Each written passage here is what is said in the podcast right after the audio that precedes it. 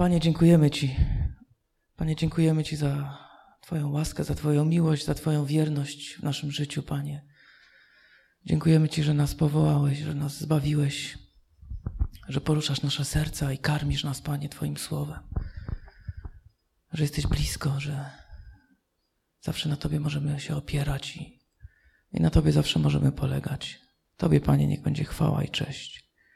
W imieniu Jezusa Chrystusa prosimy, mów do nas, otwieraj nasze serca, mów do nas, Panie. Alleluja, dla Twojej chwały. Amen. Gdybyśmy mieli iść tak chronologicznie, zgodnie z tymi, z tymi e, wcześniejszymi moimi kazaniami, to powinniśmy dzisiaj otworzyć nasze Biblię na szóstym rozdziale listu do Efezjan i rozpocząć. W sumie szkoda, że tego nie przygotowałem, bo nie spodziewałem się, że chłopaki będą. Tam jest ten fragment, który wam kładę do głowy. Dzieci, bądźcie posłuszne swoim rodzicom. Ale Pan Bóg mnie tak poprowadził, tyle rzeczy ostatnio się działo w naszym życiu. I jestem, mam takie głębokie przekonanie, że dzisiaj mam podzielić się świadectwem.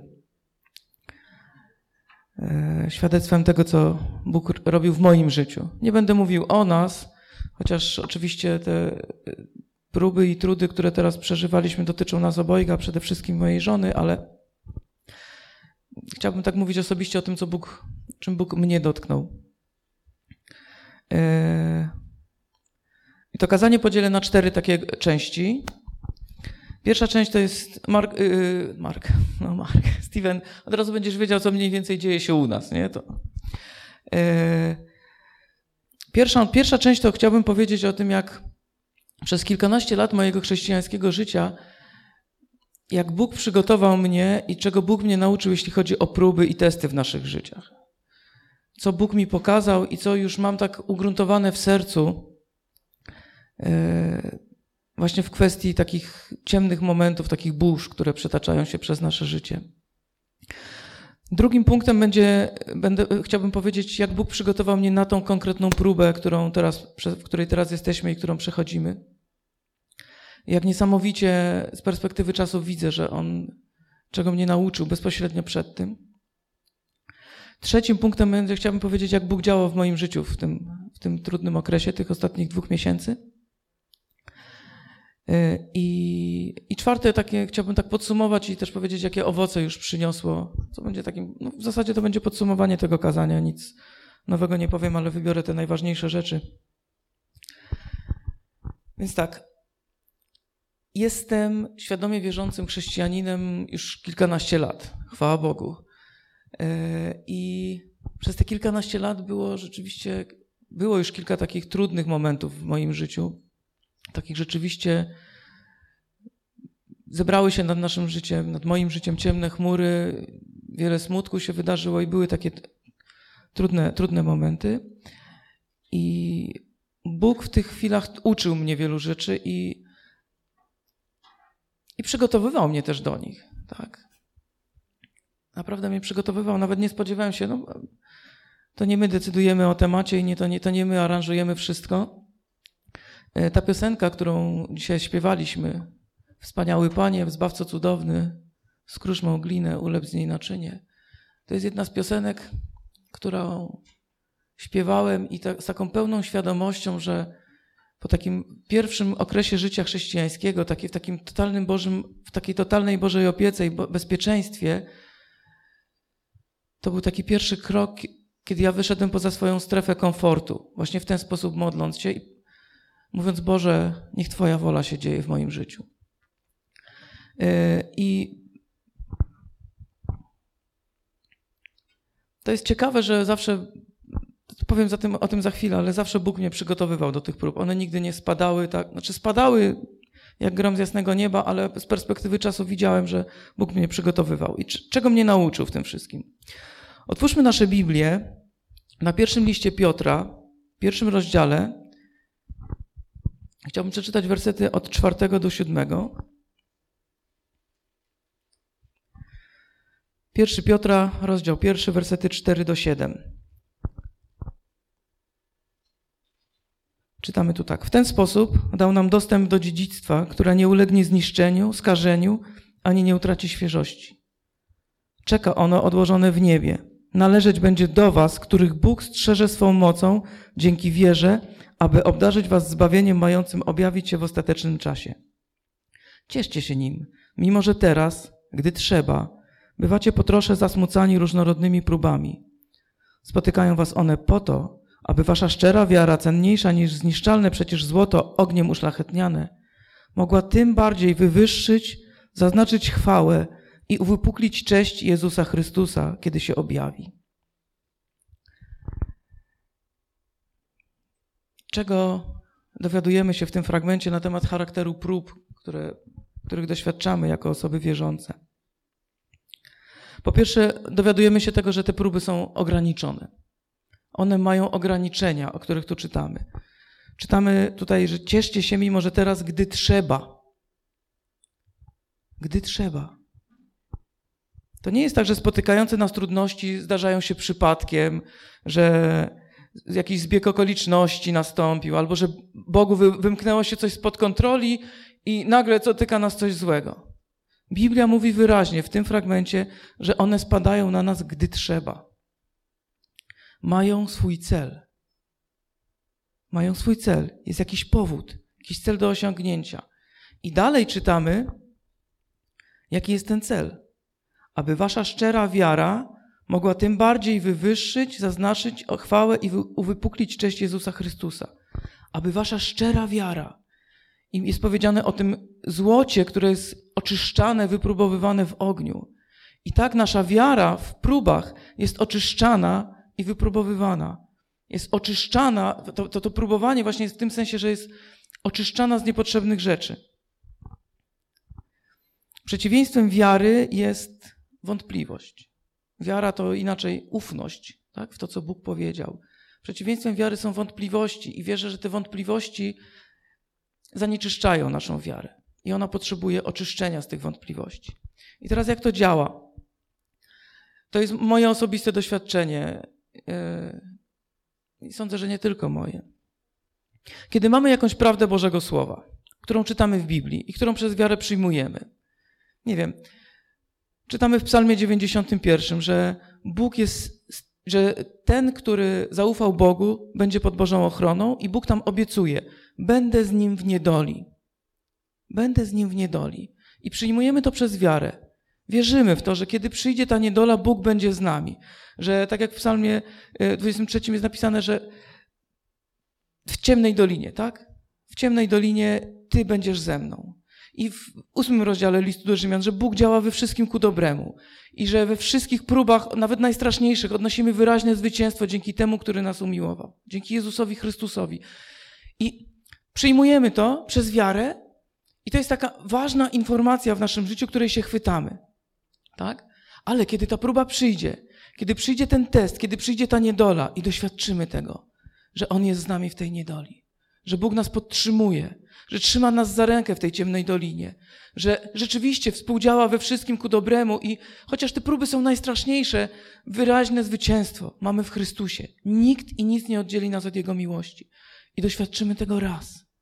Wejdziemy w próbę, jakieś doświadczenie nas spotka i Chrystus jest z nami, nie zostawił nas. Czujemy to, doświadczamy tego.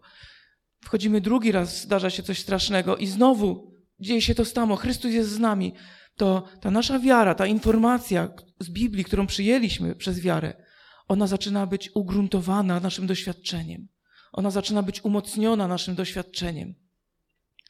I kiedy widzimy na horyzoncie, że zbierają się następne ciemne chmury, to już nie drżymy, że pioruny nam zwalą dom, albo że coś jeszcze innego się stanie, że przyjdzie powódź, bo wiemy, że cokolwiek się stanie, że cokolwiek się stanie, stanie się to dlatego, że trzeba, przed chwilą o tym czytaliśmy, i Bóg będzie miał nad tym kontrolę i przyniesie to owoc, stanie się to dla naszego dobra.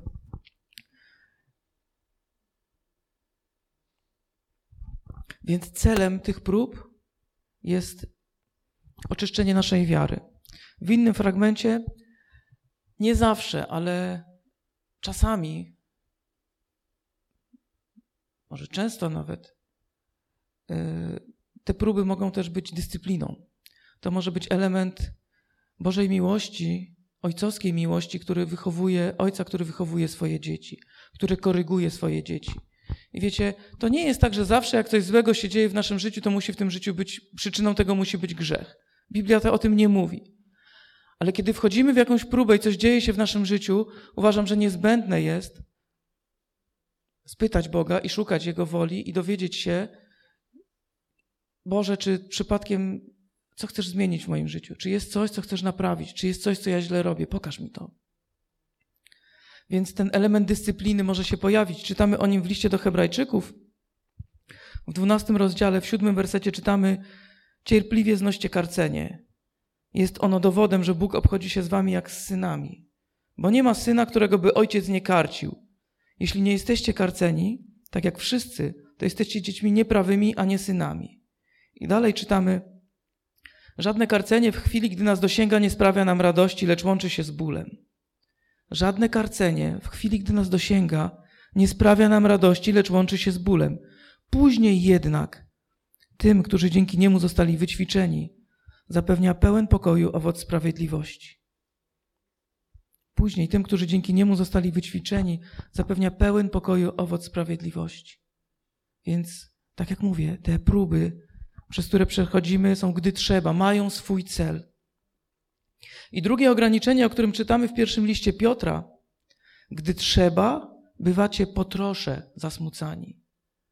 Więc widzimy tutaj takie ograniczenie ilościowe. W Biblii Warszawskiej jest, napisa- jest tam, tam, to tłumaczenie mówi, gdy trzeba. Yy, przepraszam.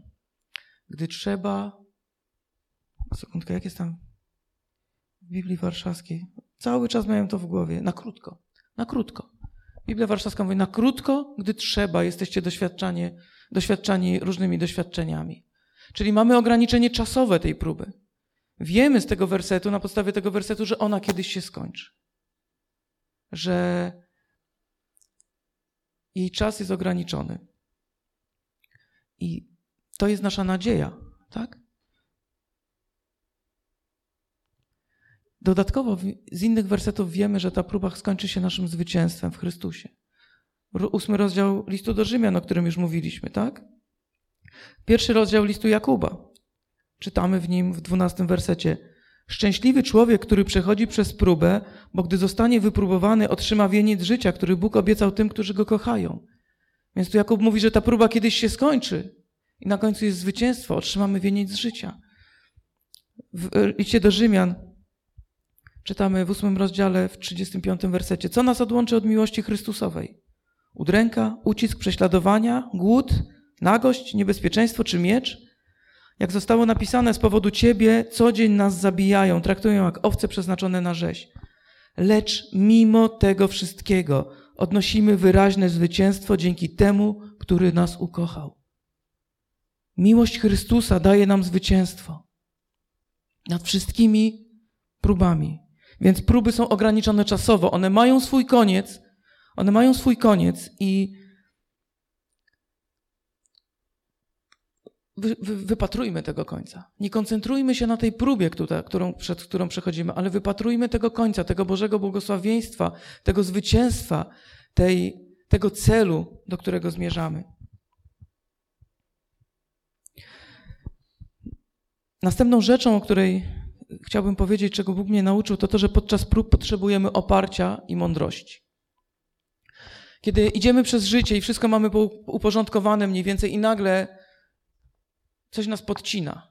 Wszystko się zaczyna walić. Nasz, nasz świat, który jest uporządkowany, y, nasz y, rozkład dnia nagle zaczyna rozlatywać się. Nasza jakaś wizja przyszłości nagle zaczyna, le, leży w gruzach nagle. I wtedy potrzebujemy oparcia. Potrzebujemy mądrości. Właśnie wtedy musimy skoncentrować się na Chrystusie. W pierwszym Piotra, w tym wersecie, od którego zaczęliśmy, Piotr pisze: Cieszcie się tą nadzieją, tym dziedzictwem, które Bóg wam obiecał, które Bóg dla was przygotował, do którego Bóg was strzeże i doprowadzi. Nie koncentrujcie się na tym, co jest, dzieje się tu i teraz, na tych próbach, które przeminą, ale koncentrujcie się na tym, co Bóg dla was przygotował w wieczności. W liście do Hebrajczyków czytamy w 12 rozdziale, w drugim wersecie: Utkwijmy wzrok w Jezusie, w tym, który wzbudza i doskonali wiarę. I który ze względu na czekającą go radość wycierpiał krzyż, nie zważając na hańbę i zajął miejsce po prawej stronie tronu Boga. Utkwijmy wzrok w Jezusie, w tym, który wzbudza i doskonali wiarę. Chrystus jest naszym nauczycielem, On jest naszym wzorem. Kiedy nie wiemy, co zrobić, patrzmy na Chrystusa. Co On zrobił, kiedy przyszła próba? Co On zrobił, kiedy wisiały nad Nim te ciemne chmury i wiedział, że przyjdzie krzyż? Czytamy dalej. Wycierpiał krzyż ze względu na czekającą go radość. Chrystus koncentrował się na tym, że po tej próbie jest radość, bo ten krzyż, ta próba spowoduje, że my dzisiaj będziemy mogli tutaj być. Będziemy mogli śpiewać Bogu pieśni, być z Nim w relacji, stać przed Bogiem i mieć z Nim prawdziwą, żywą relację, móc wołać Abba, Ojcze. I to jest ta radość, którą ma Chrystus. On patrzył na nas, myślał o nas, kiedy, kiedy wchodził na tą ścieżkę cierpienia.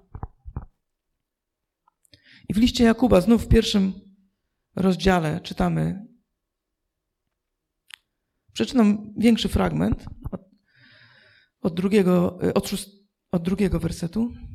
Drodzy bracia, za najwyższą radość uważajcie te chwile, gdy jesteście poddawani przeróżnym próbom. Wiedzcie, że takie doświadczenie waszej wiary kształtuje wytrwałość. Wytrwałość natomiast niech was prowadzi do dzieła doskonałego, abyście byli doskonali, nienaganni i bez jakichkolwiek braków. Widzimy to, o czym mówiliśmy przed chwilą. Koncentrujmy się na tym, tak jak pastor Piotr ostatnio mówił o tym głodzie, że może być w życiu głód, ale możemy spojrzeć na to, co złe w naszym życiu i spróbować z Bogiem obrócić to w coś dobrego. I teraz, kiedy przychodzą te próby, możemy z Bogiem obrócić je w coś dobrego, skoncentrować się na tym, że one mają cel, one się dzieją dlatego, że trzeba. I tutaj Jakub pisze, cieszcie się w tych, w tych chwilach gdy jesteście poddawani przeróżnym próbom. I to też nie znaczy, że to ma być taka, bym powiedział, nieludzka radość. Kiedyś pamiętam, po, jak, po jednym kazaniu Paweł do mnie podszedł, mniej więcej na zbliżony temat było i, Paweł mówi, wiesz, no ale to nie znaczy, że ja haha, Panie Boże, dziękuję Ci, cieszę się, że mam raka. Nie, to nie chodzi o to. To nie chodzi o to. Ale pomimo tego, że jestem chory, cieszę się, że mam się na kim oprzeć. Wiecie, ja widziałem mojego tatę, który przechodził przez nowotwór bez Boga, który nie miał oparcia w Bogu. To jest, ja sobie tego nie wyobrażam. Naprawdę nie wyobrażam sobie, jak ten człowiek przeszedł. Czy wierzę, że nasze modlitwy też utrzymały go na powierzchni, ale, ale jak? My, to, my mamy. My mamy więcej niż świat. Mamy żywego, prawdziwego Boga, kochającego Ojca. I dalej Jakub pisze, w tym samym kontekście. Jeśli komuś z Was brak mądrości, niech prosi o nią Boga, który obdarza wszystkich szczodrze i bez wypominania, i mądrość będzie mu dana. Kiedy nasze życie, kiedy przychodzi burza i nasze życie się wali, nie wiemy co robić, utkwijmy wzrok w Chrystusie i prośmy Boga o mądrość. A On ją nam da. Obiecał to tutaj w tym fragmencie. Da nam mądrość, której potrzebujemy. Odpowie na nasze pytania, w swoim czasie, nie wtedy, kiedy my chcemy. Być może wtedy, kiedy my chcemy, ale to On jest Bogiem, a nie my. Ale odpowie. I da nam tą mądrość. Być może da nam, ta mądrość będzie polegała na, na sile takiej i żeby mądrze skoncentrować się na tym, co On dla nas zrobił. Być może będzie polegało na tym, żeby dostrzec grzech w naszym życiu, z którego Bóg nas koryguje. A być może wskaże nam coś innego, Bóg jest naszym Ojcem każdego z nas, z każdym nas postępuje indywidualnie.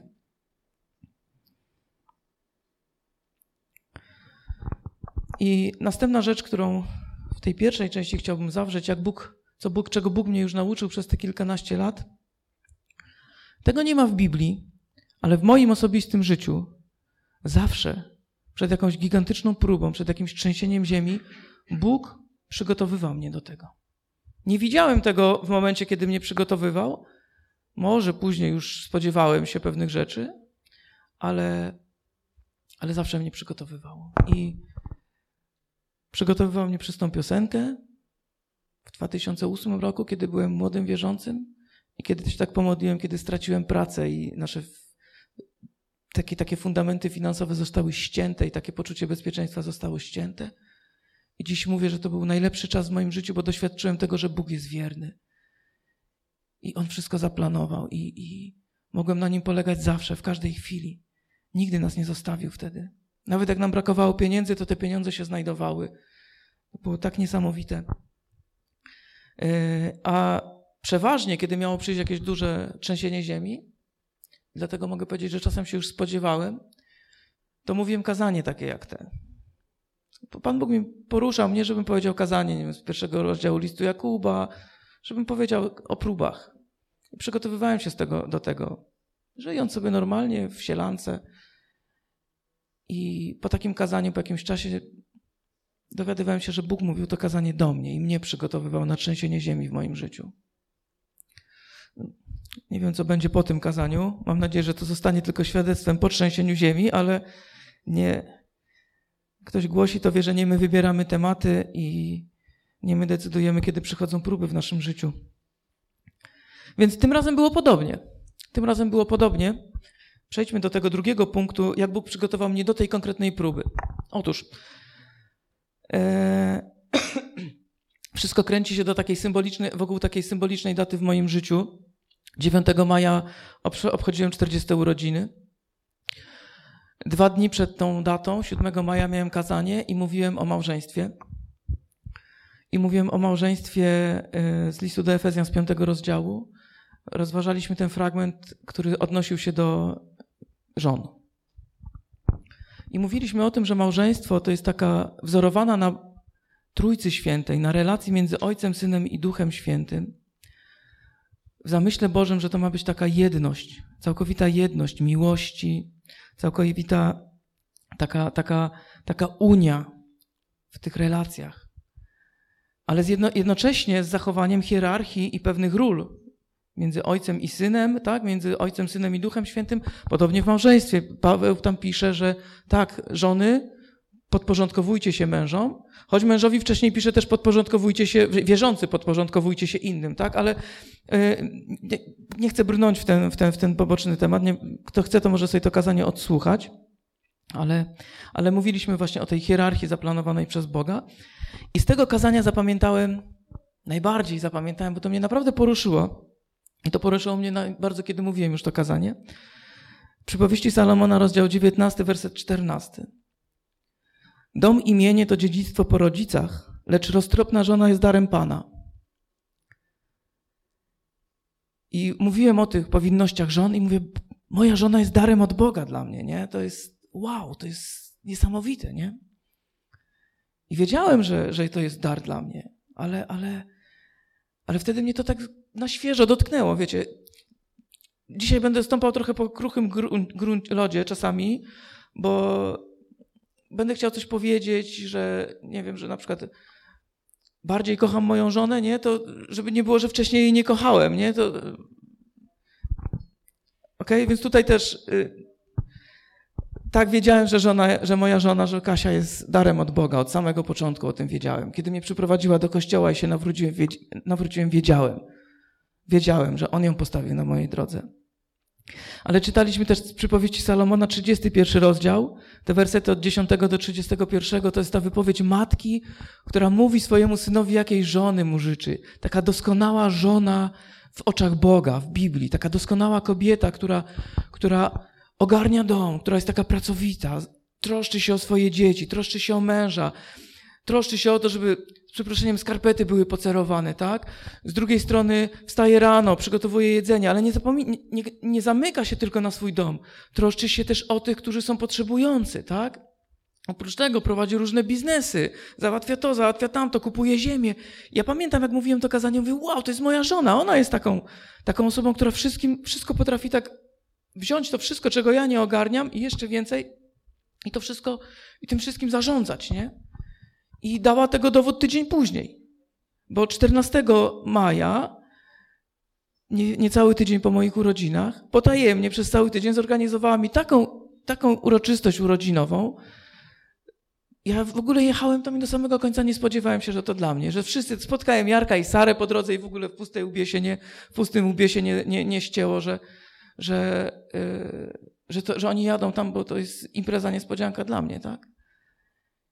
I to, to właśnie to było to. To właśnie było to. I Potem po tych urodzinach następnego dnia Kasia się poczuła gorzej, zaczęły ją boleć stawy i tak dalej. Nie będę o tych wszystkich osobistych rzeczach mówił, bo ona nie lubi, jak o niej się mówi. I tak już dostanę burę, że za dużo powiedziałem. E, I przez pierwszy tydzień czuła się źle, potem postawiono diagnozę. W następny poniedziałek, e, to był 22 maja, dostała leki i poczuła się znakomicie po tych lekach. Myśleliśmy, że to już koniec, że Bóg odpowiedział na nasze modlitwy, że wszystko jest wspaniale i jest na najlepszej drodze, że Kasia już będzie zdrowa, tak? Że już będzie tylko lepiej. I przyszliśmy do kościoła 28 maja i mówiłem kazanie. Znowu z listu do Efezjan mówiłem o małżeństwie, tym, tym razem o mężczyznach, o mężach, tak? Jakie są nasze, jakie są nasze powinności wobec żony. I mówiłem o tym, mówiłem do mężów i nie wiedziałem jeszcze, że mówię do siebie, bo zaraz będzie trzęsienie ziemi i Bóg mi pokazuje i mówi mi, kim ja mam być w tym, podczas tego trzęsienia ziemi. I mówiliśmy o tym, że mąż ma kochać żonę tak, jak Chrystus umiłował Kościół. Tą miłością, która jest pełna oddania, która poświęca wszystko, która rezygnuje z siebie. Tą miłością, która. To, to, to, mąż ma być tą podporą dla żony, tak? Tak jak Chrystus jest fundamentem dla Kościoła i wiemy, że cokolwiek by się nie działo, jesteśmy w Jego ręku. Tak my, mężowie, mamy być taką, taką podporą, starać się przynajmniej być taką podporą dla naszych żon. Mówiliśmy o tym, że mamy dbać o rozwój duchowy naszych żon. mówiliśmy o tym, że ja mówiłem do siebie, teraz mogę powiedzieć, o tym, że to mężczyzna ma dbać o ciepło w domu. To mężczyzna ma, tam jest ten, to słowo takie, że ma roztapiać swoją żonę, tak? To, tym ciepłem, tym ciepłem, które my mamy wprowadzać w domu. I powiedziałem to kazanie, i tak jak mówię, nie spodziewałem się, że zaraz nastąpi trzęsienie ziemi. I kilka dni później, od środy, zaczęło się być coraz gorzej, coraz gorzej. Kasia się zaczęła czuć coraz słabiej. E, leki przestawały działać i, i teraz, już teraz będę się koncentrował na tym, co Bóg robił w tym czasie. Pierwsza rzecz, jaka się zdarzyła, taka, którą wiele rzeczy się zdarzyło, nie o wszystkich powiem oczywiście, ale pierwsza rzecz taka, którą pamiętam, która była taka spektakularna. E, te leki, które Kasia brała brała je coraz mniejszej dawce i coraz słabiej działały, więc ją coraz bardziej bolało. I widzieliśmy to. I modliliśmy się i szukaliśmy rozwiązania. Ja pamiętam, że szedłem do pracy i modliłem się i mówię, Boże, proszę Cię, proszę Cię, daj jakieś rozwiązanie, daj jakąś odpowiedź, wskaż jakąś ścieżkę. Co mamy zrobić? Co możemy zrobić? Pomóż nam, ratuj nas. I słuchajcie, w tym momencie, kiedy się modliłem, za kilka sekund, w głowie taka myśl. W Końskich masz znajomą, bliską znajomą twojej rodziny, parę lat od ciebie starszą dziewczynę, która jest lekarzem, dermatologiem, pracuje w szpitalu i leczy tą chorobę, tak? I leczy tą chorobę. Zadzwoń do niej może, co? Wziąłem numer, zadzwoniłem, podpowiedziała nam pewne, pewne y, działania, które możemy podjąć i przyniosły Kasi ulgę. Zaproponowała, że Kasia może pójść do niej do szpitala, żeby zrobić wszystkie badania, żeby spróbować jej tam pomóc. W międzyczasie przed tymi badaniami zadzwoniła do nas Madzia, przyjaciółka, nasza kochana siostra z Łodzi, która, która, która też jest bardzo schorowana i która y, tutaj uczęszcza do takiego człowieka, który y, robi biorezonans magnetyczny. I, I mówi, Kasia, do tego gościa nie ma miejsc, ale jest jutro miejsce. Może pojedź. I Kasia pojechała i ten gość wskazał jakieś przyczyny. Nie? Ja na początku tak nie do końca Wierzyłem, że ten facet ma rację, ale przyszła pierwsza odpowiedź, przyszła druga odpowiedź bezpośrednio w trakcie modlitwy. I Kasia pojechała do tego szpitala i tam robili jej te badania. Oczywiście te badania nic nie wykazały, zdrowa jest. Nie? Nic. Wszystko jest w porządku. Nie znamy przyczyny te, te, te, tych dolegliwości. Ale, ale nie to jest najważniejsze. Co Bóg robił? Właśnie odpowiadał. W ten sposób odpowiadał na nasze modlitwy. Yy... Niesamowite było, kiedy przychodziłem tutaj do zboru i, i otrzymywałem takie ogromne wsparcie wasze. Tę miłość, którą czułem po prostu, tą, tą troskę. Lola, która przyszła do Kasi i, i, i te wszystkie, te wszystkie SMS-y, te wszystkie pytania, jak się Kasia czuje, te wszystkie rady, co możemy zrobić, te propozycje, a może wam ugotujemy obiad, a może zajmiemy się waszymi dziećmi. Nawet ta bliskość, taka po prostu, żeby, że byliście razem, tak? Kiedy Paweł do mnie podszedł, ja wiedziałem, że on mnie po prostu w stu procentach rozumie, bo jego żona też jest chora. Wiecie, to, to, to było niesamowite, jak, jak Bóg mnie dotykał, mnie osobiście dotykał swoją miłością, swoją bliskością.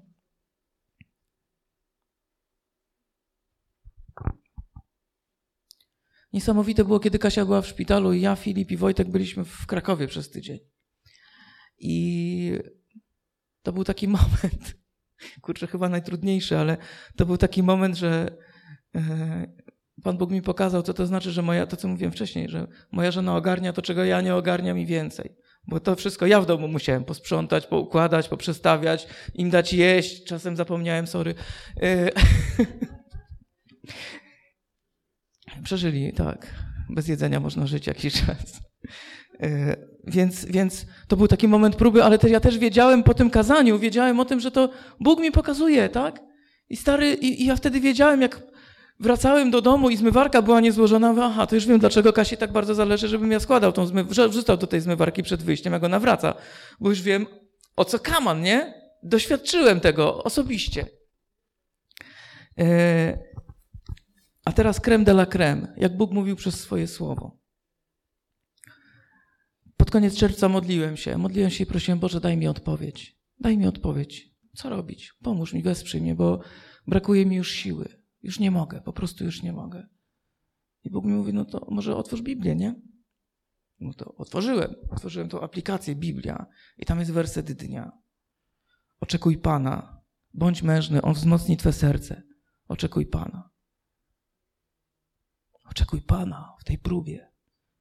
On Cię wzmocni. Będziesz miał siłę, tak? I otworzyłem ten psalm 27 i czytam, że Pan moim światłem i moim zbawieniem, moim ratunkiem. Przypomniałem sobie kazanie sprzed kilku tygodni, dosłownie sprzed kilku tygodni, kiedy był Maciek, kiedy mówił, że Chrystus jest światłem, który świeci w ciemności i ta ciemność nigdy go nie przemoże. W największej ciemności światło Chrystusa świeci. I to mnie podniosło wtedy.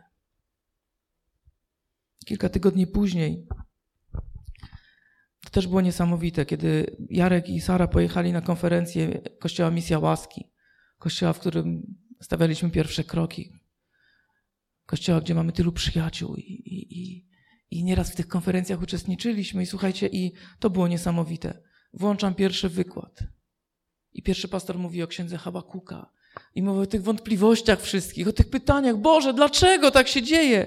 Przecież Ty jesteś święty, jak Ty możesz na to patrzeć? Ja tak mówię, wow, nie? Przecież ja te same pytania Bogu zadawałem w innym kontekście. I za chwilę do kasalnicy wychodzi nasz serdeczny przyjaciel, którego znam tyle lat, co Kasię i Piotra. Czyli długo. Czyli długo. Który był przy nas, chociaż mieszka w Londynie, yy, to był przy nas w najważniejszych momentach naszego życia, był przy naszym chrzcie i, i, i, i naprawdę pomógł nam tyle razy. Był takim, takim, takim, taką podporą.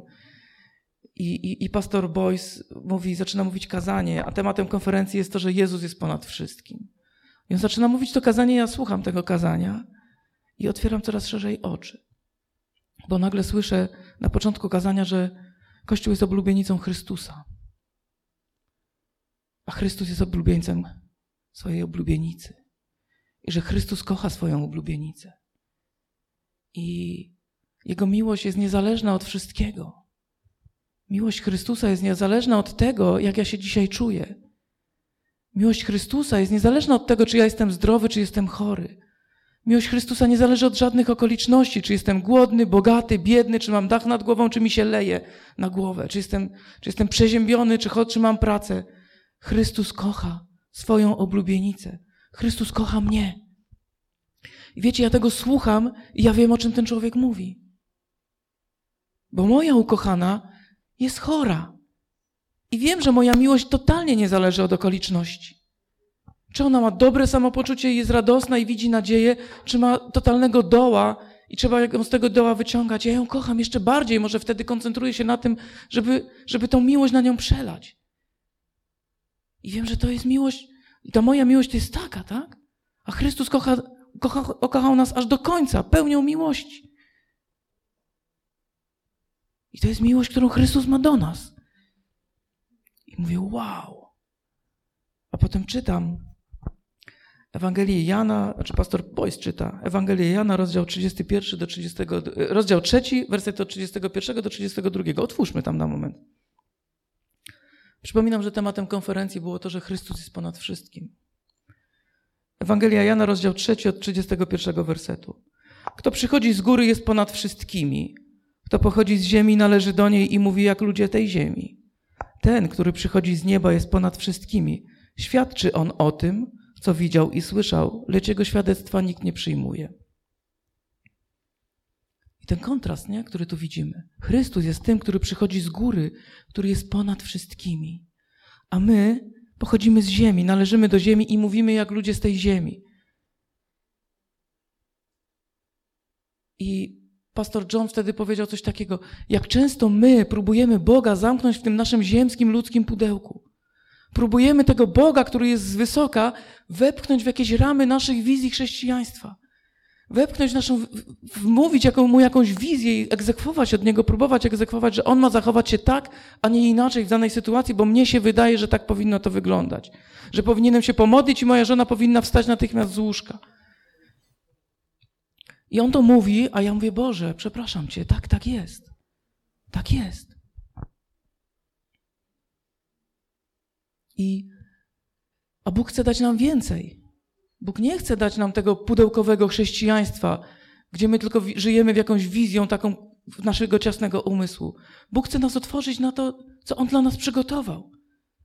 Żebyśmy poznali Go w całości, żebyśmy mogli doświadczyć w całości. Jego chwałę, Jego łaskę, Jego miłość. Otwórzmy Księgę Izajasza, rozdział 57. W wersecie 15 czytamy coś takiego. To jest o tym Bogu, którego próbowałem zamknąć w swoim pudełku. Izajasza 57, werset 15. Ponieważ tak mówi wysoki i wyniosły i panujący wiecznie, któremu na imię święty, panuje na wysokim i świętym miejscu. To jest Bóg, którego próbowałem zamknąć w pudełku. Święty Bóg, tak? Wysoki, wyniosły, panujący wiecznie, który stworzył ten świat, który dał mi życie, który na imię ma święty, panuje na wysokim i świętym tronie. To jest Bóg, którego ja próbowałem zamknąć w swoim pudełku Mateusza i próbowałem egzekwować od Niego to, co ja sobie wyobrażam, że On będzie robił w moim życiu. I ten święty Bóg mówi dalej. Panuję na wysokim i świętym miejscu, lecz jestem też z tym, który jest skruszony i pokorny duchem aby ożywić ducha pokornych i ożywić serca skruszonych.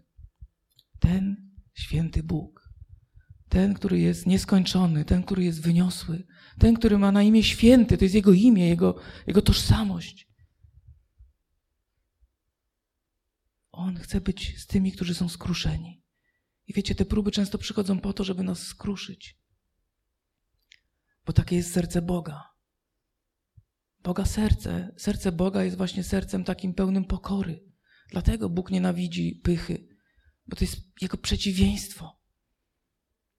W Ewangelii Mateusza w rozdziale 11 od 27 wersetu możemy też otworzyć. Mateusza 11 od 27. Pan Jezus mówi takie słowa. Wszystko zostało mi przekazane przez mojego Ojca i nikt oprócz Ojca nie pojmuje, kim jest Syn. Nikt też nie pojmuje, kim jest Ojciec, jak tylko Syn oraz ten, komu Syn zechce to objawić. Widzicie, jacy wyjątkowi jesteśmy? Możemy pojąć, kim jest Ojciec. Możemy zrozumieć, co to znaczy, że On jest święty, że panuje na tym wyniosłym, wspaniałym, cudownym tronie. Jest jednocześnie z tym, który jest pokorny sercem. Dzięki temu, że Jezus Chrystus zdecydował, że w swojej łasce nam to objawi.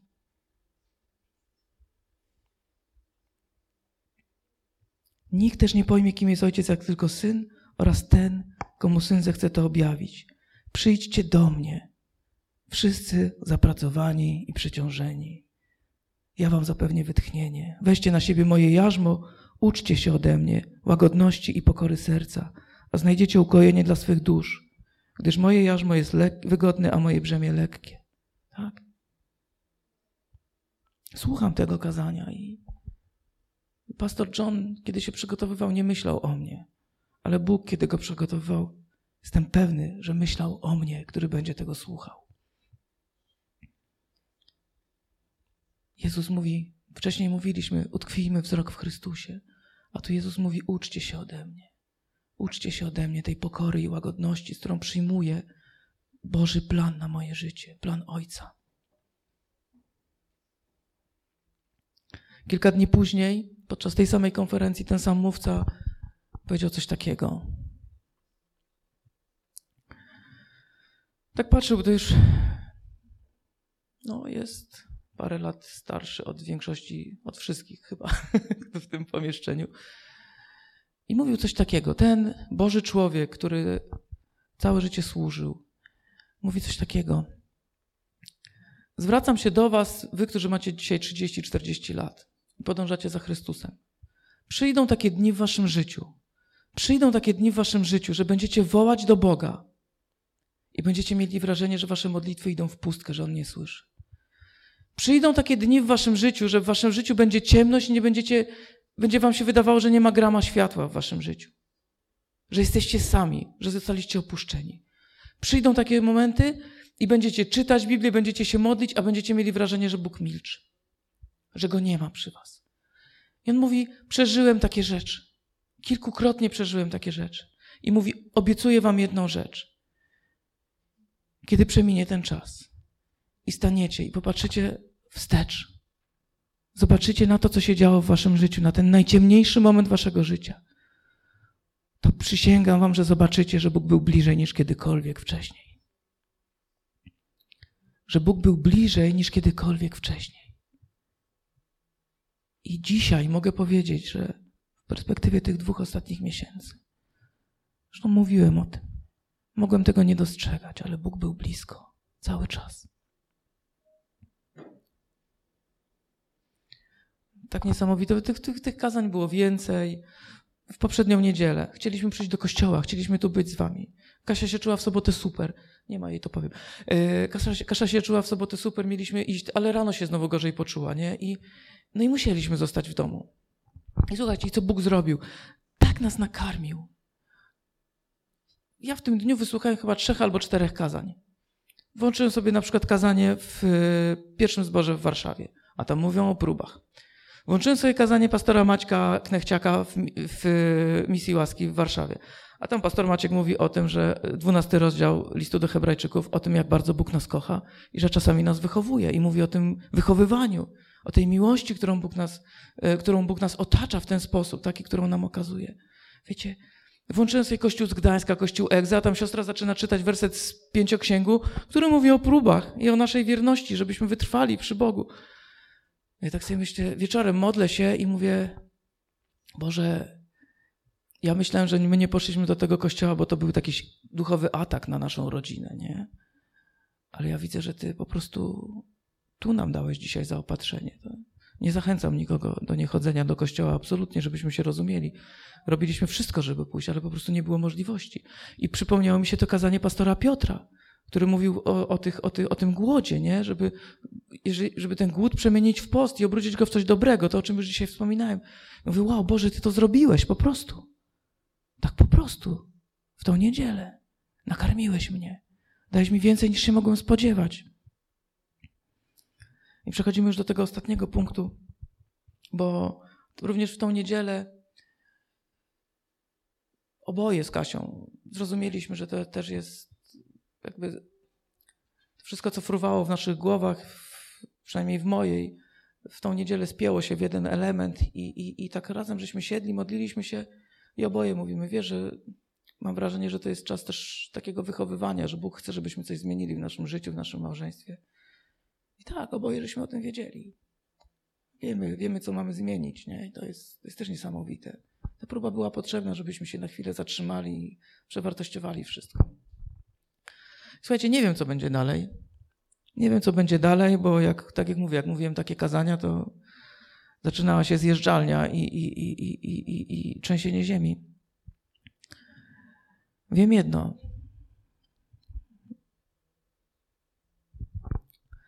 Moja miłość do mojej żony, jeżeli byśmy sobie wyobrazili ją jako taki budynek, on, on jest bardzo wysoki, więc prawdopodobnie ma dodatkowe piętro wybudowane, nie wiem, 580 któreś albo 90. Yy, ale na pewno jego fundamenty zostały wzmocnione, zostały okopane, zostały wzmocnione Bożą obecnością, Bożym Słowem, tą miłością. Nasze małżeństwo wierzę, że nasza relacja została wzmocniona. Moja miłość została naprawdę tak utwierdzona. Yy, wiem, że miłość Boga. Wiedziałem to, tak? Wiedziałem to wcześniej, że nikt nie oddzieli mnie od miłości Chrystusowej. Nikt i nic. Ani śmierć, ani życie, ani aniołowie, ani moce, ani teraźniejszość, ani przyszłość, nic. Nic, ani przeszłość, nic kompletnie. A teraz tego doświadczyłem. Teraz doświadczyłem, jak Bóg przemawia. Teraz doświadczyłem, jak Bóg podnosi. Jak Bóg podtrzymuje i wskazuje drogę. Nie dał nam wytrychu i nie zrobił tak. Choć tak w tej piosence jednym słowem swym masz moc zakończyć sztorm. Jednym słowem.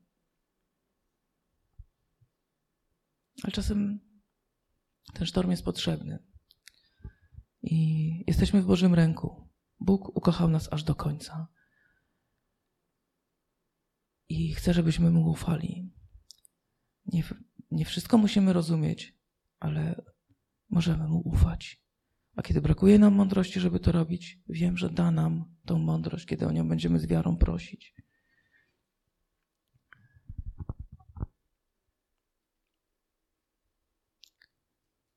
Mam takie zapisane, że żadne okoliczności, żadna burza nas nie oddzieli, bo jesteśmy od Chrystusa, od Jego miłości, bo jesteśmy oblubienicą Chrystusa. To On nas wybrał, to On nas pokochał, to On nas oczyścił, to On nas uświęcił, to On nas cały czas udoskonala. A On jest wierny. A On jest wierny. Amen. I chciałbym jeszcze ostatnią rzecz powiedzieć.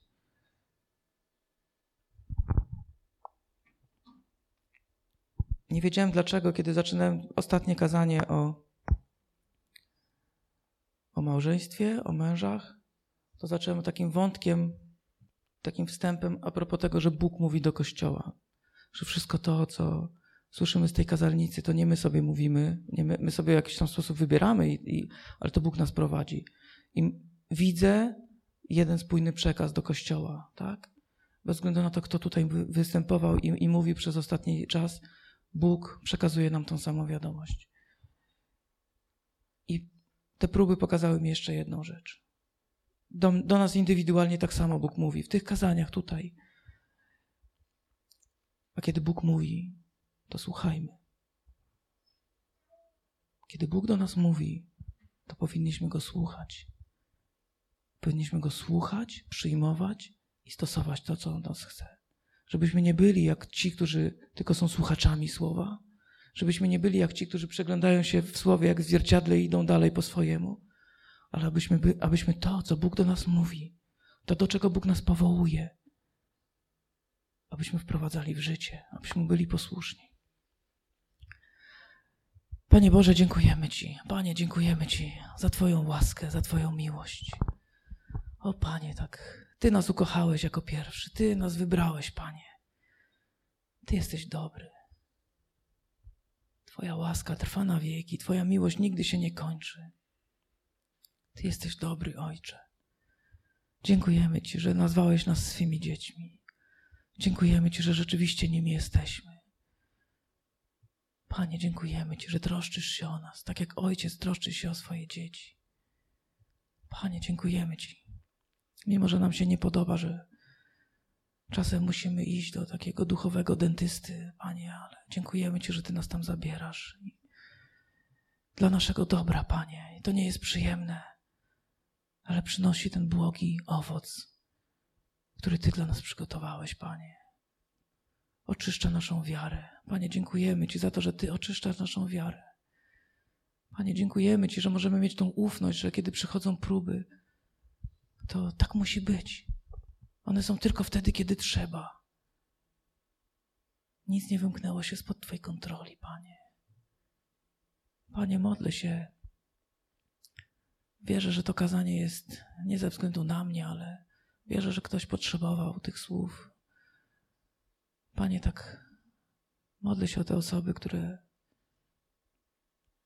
też doświadczają różnych prób, różnych burz, różnych sztormów, Panie.